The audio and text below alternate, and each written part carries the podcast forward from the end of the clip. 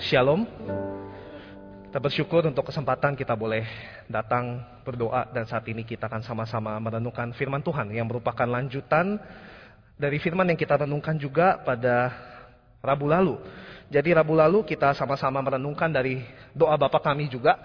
Doa yang barusan tadi kita doakan sama-sama di Matius pasal 6 ayat 9 sampai 10 dan pada hari ini malam hari ini kita akan sama-sama melanjutkan dari ayat yang ke-11 sampai 13. Saya mengajak kita untuk boleh membuka Alkitab kita dari Matius 6 ayat 11 sampai 13. Matius pasal 6 ayat 11 sampai 13. Saya akan membacakannya bagi kita semua.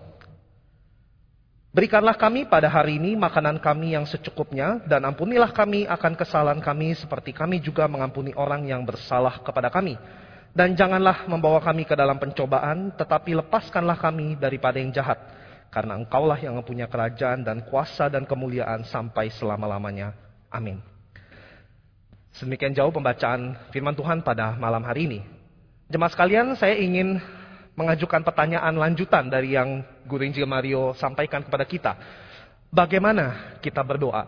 Apakah ketika kita mendengarkan firman Tuhan Rabu lalu, kehidupan doa kita, bahkan kehidupan keseharian kita sudah dibenarkan, sudah diperbaiki, sudah direparasi. Karena kita berdoa, Bapa kami yang di surga, dikuduskanlah namamu, datanglah kerajaanmu, jadilah kehendakmu di bumi seperti di surga. Apakah sudah saya rasa doa itu tidak mudah, bukan? Doa itu tidak seperti doa yang kita panjatkan. Kita terbiasa mengucapkan doa yang fokusnya ke siapa? Kepada diri kita sendiri. Saya mau tanya, ketika kita doa makan, apa yang menjadi fokus doa kita?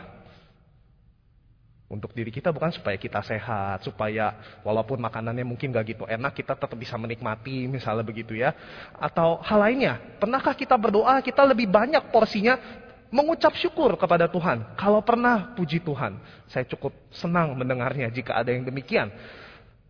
Doa sebelum tidur misalnya kalau ada. Apakah porsi kita doa lebih banyak bersyukur soal hari yang baru kita jalankan? Atau lebih banyak kita mengeluh? Atau justru sudah memohon untuk besok? Tidak ada salahnya dengan kita mengeluh. Tidak ada salahnya memohon. Tetapi natur kita memang terfokus pada diri sendiri. Berita baiknya, doa Bapa kami, the Lord's Prayer ini, tidak melulu soal bagaimana hanya berbicara tentang Allah. Barusan kita bacakan, ini kali ini berita bahagianya ini justru doa ini untuk diri kita sendiri bukan? Berikanlah kami hari ini.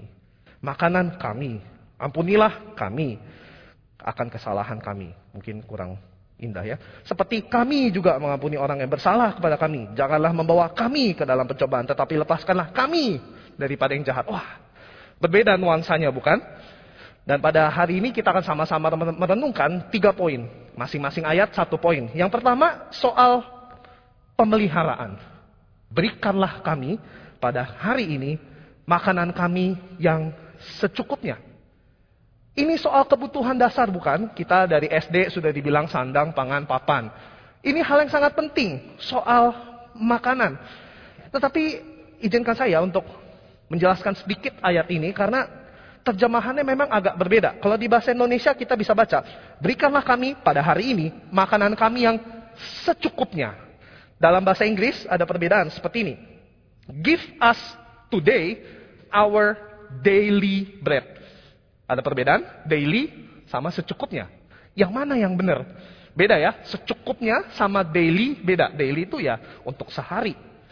Secukupnya Beda-beda ya. Dalam bahasa Mandarin, maafkan saya kalau salah baca ya. Woman reyong te in jin re ce woman. Ada nuansa hari juga bukan? Nuansa hari di sana. Jadi yang mana yang benar? Saudara ketika saya mencoba mempelajari bagian ini, ada tiga kemungkinan. Karena memang bahasa yang dipakai, bahasa aslinya yang dipakai, itu sangat jarang dipakai. Bahkan sebenarnya tidak terlalu jelas maknanya apa. Membutuhkan penafsiran yang cukup dalam dalam menentukan maknanya. Yang pertama, kemungkinan yang pertama adalah yang dipakai dalam bahasa Inggris. Daily bukan? Jelas. Berikanlah kami pada hari ini makanan yang untuk hari ini. Daily bread. Dan ini nyambung bukan soal mana kalau kita ingat ketika Tuhan mengirimkan mana itu setiap hari.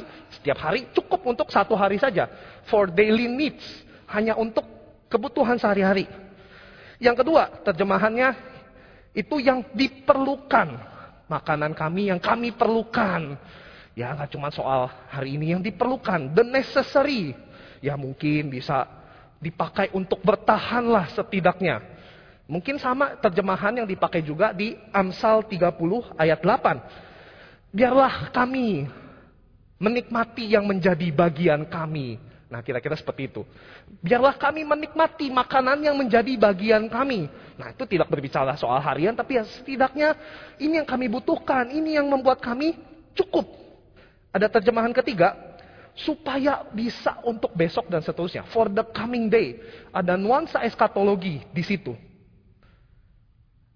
Nah, sekalian justru di sini, ketika saya mencoba mendalami, terjemahan inilah sebenarnya yang dimaksudkan kata-kata yang sering dipakai dalam sastra lain justru di sini. Setelah saya percaya ketika Allah memberi mana, itu tujuannya bukan betul memang untuk hari itu. Betul. Tetapi ketika kita memohon kepada Allah, itu ada satu keyakinan bahwa Allah memberikan roti pada kita bukan untuk hari ini saja, tetapi untuk seterusnya, for the coming day, untuk seterusnya, Tuhan pasti memberikan roti itu kepada kita.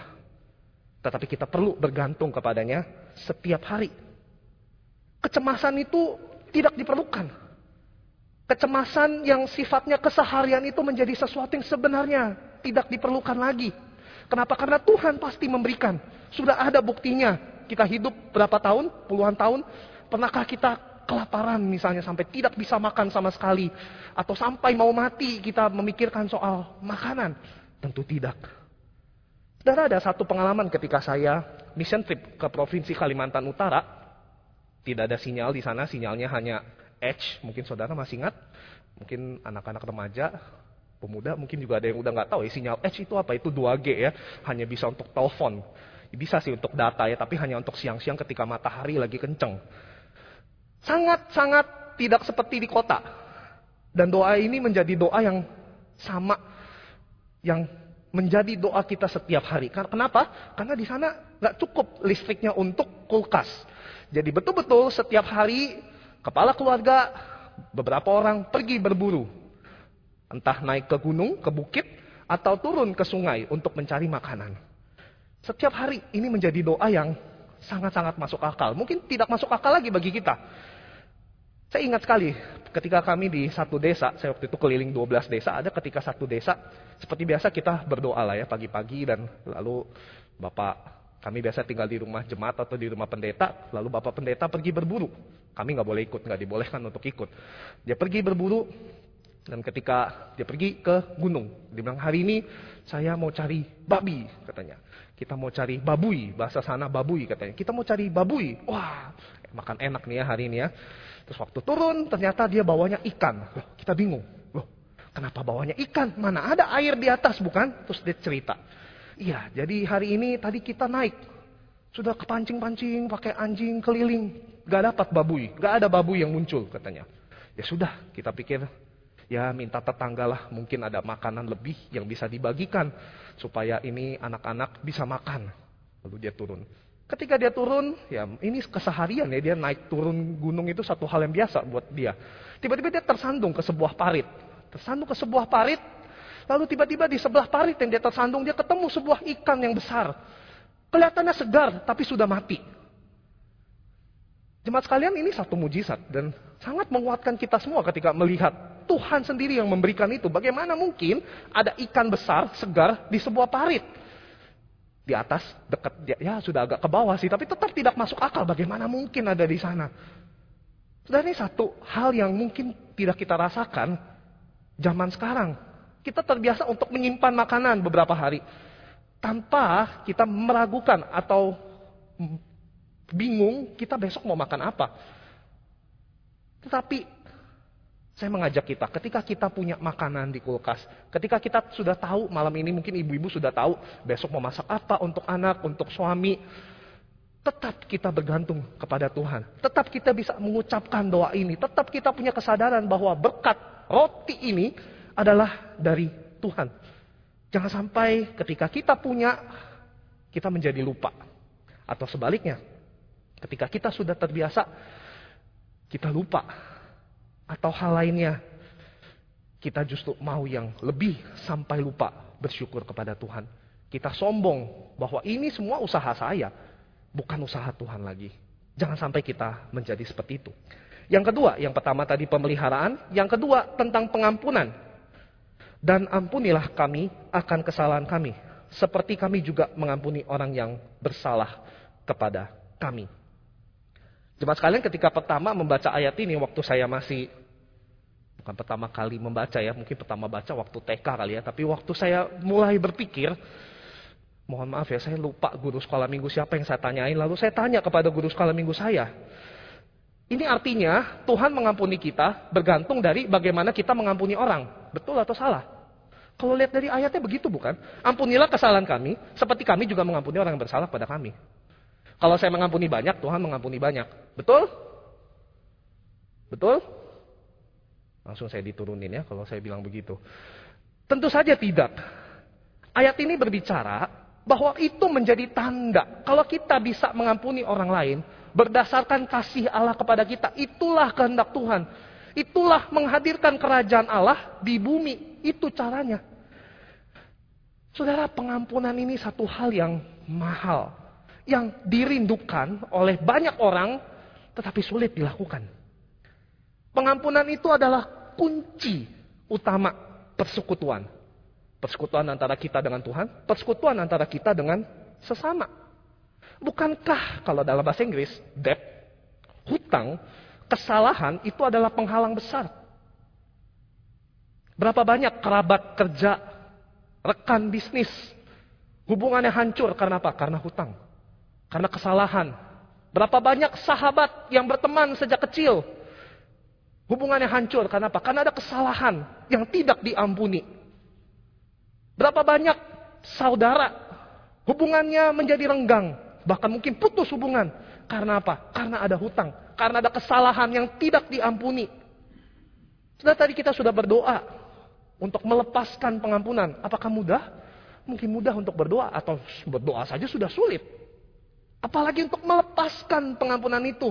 Kita butuh anugerah Tuhan, kita butuh doa ini. Setiap hari kita perlu mendoakan. Saudara, doa Bapak kami ada juga di Lukas Lukas pasal 11. Dan di sana kita bisa lihat ada perbedaan yang dia uh, nuansakan di sana di Lukas 11 ayat 2 sampai 4. Saya akan bacakan ayat yang keempat. Dan ampunilah kami akan dosa kami, sebab kami pun mengampuni setiap orang yang bersalah kepada kami. Saudara bisa lihat bedanya ya. Dan ampunilah kami akan dosa kami, seperti kami juga mengampuni orang yang bersalah kepada kami. Saudara berat mana? Dosa sama kesalahan. Berat dosa ya. Kesalahan, dosa. Bahkan dosa mungkin yang kita pikirin aja udah dosa ya. Kehendak aja kita bisa dosa. Sesuatu yang orang lain gak tahu, kita sudah bisa berdosa. Kalau kesalahan kita kepada sesama, mungkin sesuatu yang dia tahu baru kita bisa melakukan salah kepada dia. Tapi dosa jauh lebih berat. Itulah yang menjadi kehendak Allah.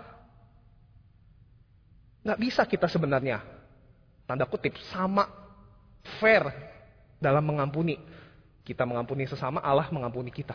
Tidak akan bisa sebenarnya. Tidak ada apa-apanya. Bahkan kalau dalam bahasa Inggris itu dibilangnya trespass. Trespass itu biasanya kita baca di rambu-rambu bukan do not trespass. This line misalnya. Jangan melewati garis ini. Atau bahasa yang lebih literalnya dalam bahasa Yunani itu dibilangnya salah langkah. False step, salah langkah. Itu tuh dosa. Salah langkah aja. Kita udah salah sebenarnya. Tapi Tuhan ampuni kita. Jadi bukan soal bagaimana pengampunan yang kita berikan itu bergantung bagaimana Tuhan mengampuni kita. Tidak. Itu menjadi tanda. Ketika Tuhan sudah mengampuni kita, kita juga harus mengampuni sesama kita. Terus tidaknya kalau kita belum bisa, kita berproses perlahan-lahan. Saudara, ketika saya mengikuti VPC, Fine Project Class, ada satu cerita yang sangat menyentuh hati saya ketika saya membacanya. Saya akan bacakan buat kita ya, secara cepat. Seorang gadis muda tumbuh di perkebunan cherry tidak jauh dari Traverse City, Michigan. Orang tuanya kolot, cenderung berlebihan pada cincin di hidungnya, musik yang ia dengarkan, panjang roknya, dan lain sebagainya. Mereka menghukumnya berapa kali dan ia memendam kejengkelan di dalam hati. Saya benci ayah. Teriaknya ketika ayahnya mengetuk pintu kamarnya setelah sebuah pertengkaran. Dan malam itu ia menjalankan rencana yang sudah ia pikirkan puluhan kali. Ia mau melarikan diri. Ia baru sekali ke Detroit sebelumnya. Dalam perjalanan dengan bis bersama kelompok remaja gerejanya untuk menyaksikan permainan. Lalu dia pergi ke Detroit, satu tempat yang mungkin tidak dikira dia ke sana. Uh, by the way, antara Michigan dan Detroit itu kurang lebih 300 kilo ya, antara Jakarta ke Pangandaran misalnya atau ke Purwokerto, kira-kira begitu. Pada hari kedua di sana, ia bertemu dengan seorang pria yang mengemudi mobil paling besar yang pernah dilihatnya. Pria itu menawarkan untuk mengantarnya, membelikan makan siang, dan mengatur agar ia punya tempat tinggal. Ia memberi gadis ini beberapa pil yang membuatnya belum pernah merasa seenak itu. Ternyata selama ini benar, pikir gadis itu. Orang tuanya melarangnya menikmati segala kesenangan. Kehidupan menyenangkan berlanjut satu bulan, dua bulan, satu tahun. Orang bermobil besar itu, ia memanggilnya bos. Mengajarnya beberapa hal yang disukai para pria. Karena masih di bawah umur, pria membayar mahal untuknya. Dia tinggal di apartemen mewah, bisa memesan layanan kamar kapan saja. Sesekali ia teringat pada kampungnya, tetapi ia berpikir, ah, di sini jauh lebih enak. Ia sedikit takut ketika melihat fotonya ada di belakang kemasan susu. Dengan tulisan, apakah Anda pernah melihat anak ini? Tetapi ia melihat cermin, ia melihat rambutnya pirang, semua rias wajah, perhiasan yang ia kenakan. Ia menyangka tidak akan ada yang mengenal saya. Lagi pula temannya adalah kebanyakan remaja yang juga melarikan diri. Tidak ada yang berkhianat di Detroit. Setelah setahun, tanda-tanda samar penyakit mulai muncul. Dan ia terkejut betapa cepatnya sang bos menjadi kejam. Dan tiba-tiba ia sudah berada di pinggir jalan. Tidak ada uang di kantongnya. Lingkaran hitam mengelilingi matanya. Batuknya bertambah parah. Ia tidak bisa tidur, hanya bisa mendengarkan langkah kaki dan tiba-tiba seluruh kehidupannya menjadi berbeda. Ia tidak lagi merasa menjadi wanita hebat, ia menjadi kembali seperti anak kecil, tersesat di kota yang dingin dan menakutkan. Lalu ia tidur di bawah sebuah koran dan ia melihat di situ ada tulisan Traverse City. Dan ia teringat bulan Mei biasanya ada begitu banyak jutaan pohon ceri berbunga bersamaan. Dan ia berlari bersama Golden Retriever miliknya. Tuhan, mengapa aku pergi? Katanya dalam hati. Anjingku saja di rumah makan lebih enak daripada aku sekarang. Ia menangis dan sekejap ia tahu tidak ada yang lebih ia inginkan di dunia ini. Kecuali satu hal, pulang. Tiga sambungan telepon, tiga kali dijawab mesin penjawab. Ia menutup telepon tanpa meninggalkan pesan. Yang dua kali pertama, yang ketiga ia berkata, Ayah ibu ini aku. Aku berpikir mungkin aku akan pulang. Aku akan naik bis ke sana, Mungkin sampai sekitar tengah malam besok hari. Kalau ayah dan ibu tidak datang, mungkin aku akan terus naik bis sampai ke Kanada. Ia terus berpikir, bagaimana ketika saya sampai rumah? Pikirannya bolak-balik khawatir. Dan dia susun kata di kepalanya sambil berlatih. Ayah, aku minta maaf, aku tahu aku salah. Bukan salah ayah, semuanya salahku. Ayah, bisakah aku memaafkan? Bisakah ayah memaafkan aku? Ia mengucapkan kata-kata itu berulang. Sampai kerongkongannya pun tercekat ketika melatihnya. Sudah bertahun-tahun ya tidak maaf kepada siapa pun. Tanda muncul, Traverse City, jantungnya berdegup semakin kencang. Dan ketika bis akhirnya berbelok ke stasiun, rem akhirnya berbunyi. Lalu sang supir berkata, 15 menit, kita hanya berhenti di sini 15 menit. Lalu ia berjalan ke toilet untuk melihat cermin ia merapikan rambutnya, menjilat lipstik dari giginya. Ia melihat noda tembakau di ujung-ujung jarinya dan berpikir bagaimana jika orang tuanya melihatnya kalau mereka datang. Ia berjalan ke dalam terminal, tidak tahu harus mengharapkan apa. Tidak satu pun dari ribuan adegan yang ia siapkan pikirannya bisa mempersiapkannya. Lalu di situ, di atas kursi-kursi, ia melihat sekitar 40 saudara, paman, bibi, sepupu, nenek-nenek buyut mereka semua memakai topi kertas pesta dan gulungan kertas yang bisa ditiup dan di dinding terminal ditempel spanduk dengan bertuliskan selamat pulang kembali. Di tengah kerumunan, Ia memandang dengan mata perih, dengan air mata sepanas air raksa. Dan memulai sapaan yang sudah ia hafalkan. Ayah, aku minta maaf. Aku tahu aku dan ayahnya memotong. Nah, kita tidak punya waktu untuk itu. Tidak punya waktu untuk permintaan maaf. Kau akan terlambat ke pesta. Sebuah jamuan menunggumu di rumah. Saudara ini bacaan yang saya baca dari buku Filipiensi yang kita sama-sama pakai di uh, Fine Project Class. Dan inilah yang Bapak kita lakukan kepada kita, bukan? Atau mungkin jangan-jangan sikap kita lebih buruk dari anak ini. Kita seberapa sering kita mempersiapkan kalimat pengampunan kepada Bapak kita. Seberapa sering kita melakukan sebuah kesalahan, lalu kita mengingat kesalahan itu, lalu berdoa kepada Tuhan kita, kepada Bapak kita. Ayah, Bapak, aku minta maaf. Bapak, aku tahu aku yang salah. Bapak, aku tahu seharusnya aku mendengarkan Bapak. Itu justru kita malah memiliki kesombongan rohani. Tidak mau memohon ampun. Bahkan tidak mau mengampuni orang lain. Ketika kita tahu bahwa kita telah diampuni. Itu poin kedua. Poin ketiga. Dari ayat 13. Dan janganlah membawa kami ke dalam pencobaan. Tetapi lepaskanlah kami daripada yang jahat. Jika poin pertama berbicara tentang pemeliharaan, poin kedua berbicara tentang pengampunan, poin ketiga kita berbicara tentang perlindungan. Saudara, dari ayat ini mungkin kita bisa timbul pertanyaan. Apakah Tuhan sumber pencobaan itu? Apakah Tuhan yang mencobai kita? Jawabannya tentu saja Tuhan tidak pernah mencobai kita.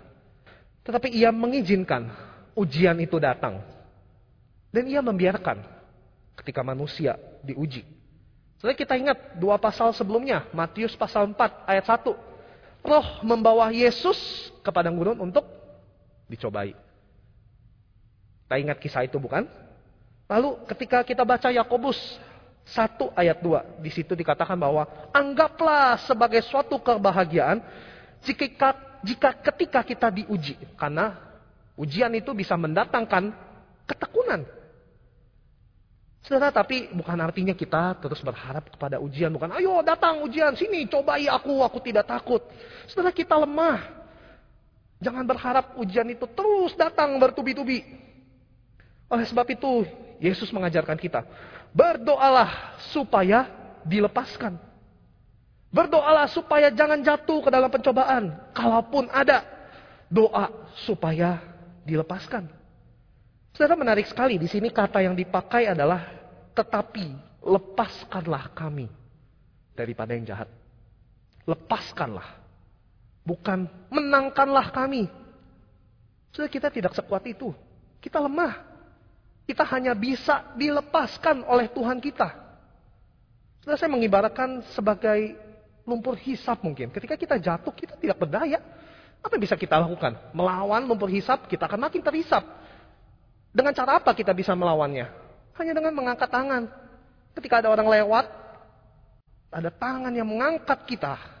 Itulah yang bisa menolong kita. Hanya tangan Yesus yang bisa mengangkat kita. Melepaskan kita dari kejahatan. Setelah di sini yang menarik, daripada yang jahat itu bisa dua hal. Yang pertama mungkin dari kejahatan. Ada kejahatan yang ingin menimpa kita, kita bisa dilepaskan. Tetapi kata yang jahat ini juga bisa dipakai untuk menandakan sebuah pribadi. Atau bisa kita ganti menjadi, tetapi lepaskanlah kami dari si jahat. Saudara betapa mengerikannya ketika kita hidup di dunia ini yang masih ada pengaruh si jahat. Lawanmu itu seperti singa yang mengaum-ngaum. Saudara kita sama singa aja takut bukan? Apalagi sama si jahat ini. Tapi ingatlah kita punya Tuhan yang menjadi perlindungan kita. Yang mampu melepaskan kita dari si jahat. Yang berkeliling ingin menerkam kita. Tapi kita punya perlindungan yang paling hebat. Yaitu Tuhan kita.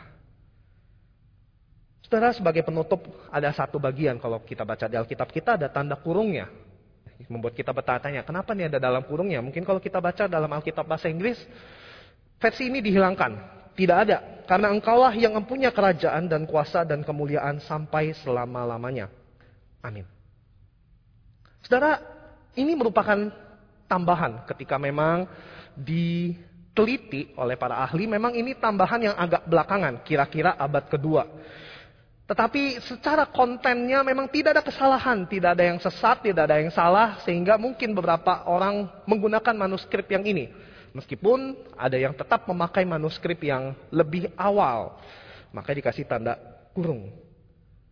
Saudara, doa adalah kebutuhan. Jadi kita sudah bahas 9 sampai 10 kalau kita baca ya. Ayat 9 sampai 10 itu berbicara tentang Allah tentang kemuliaan Allah, dikuduskanlah namamu, datanglah kerajaanmu, jadilah kehendakmu. Wah, kita berbicara tentang Allah.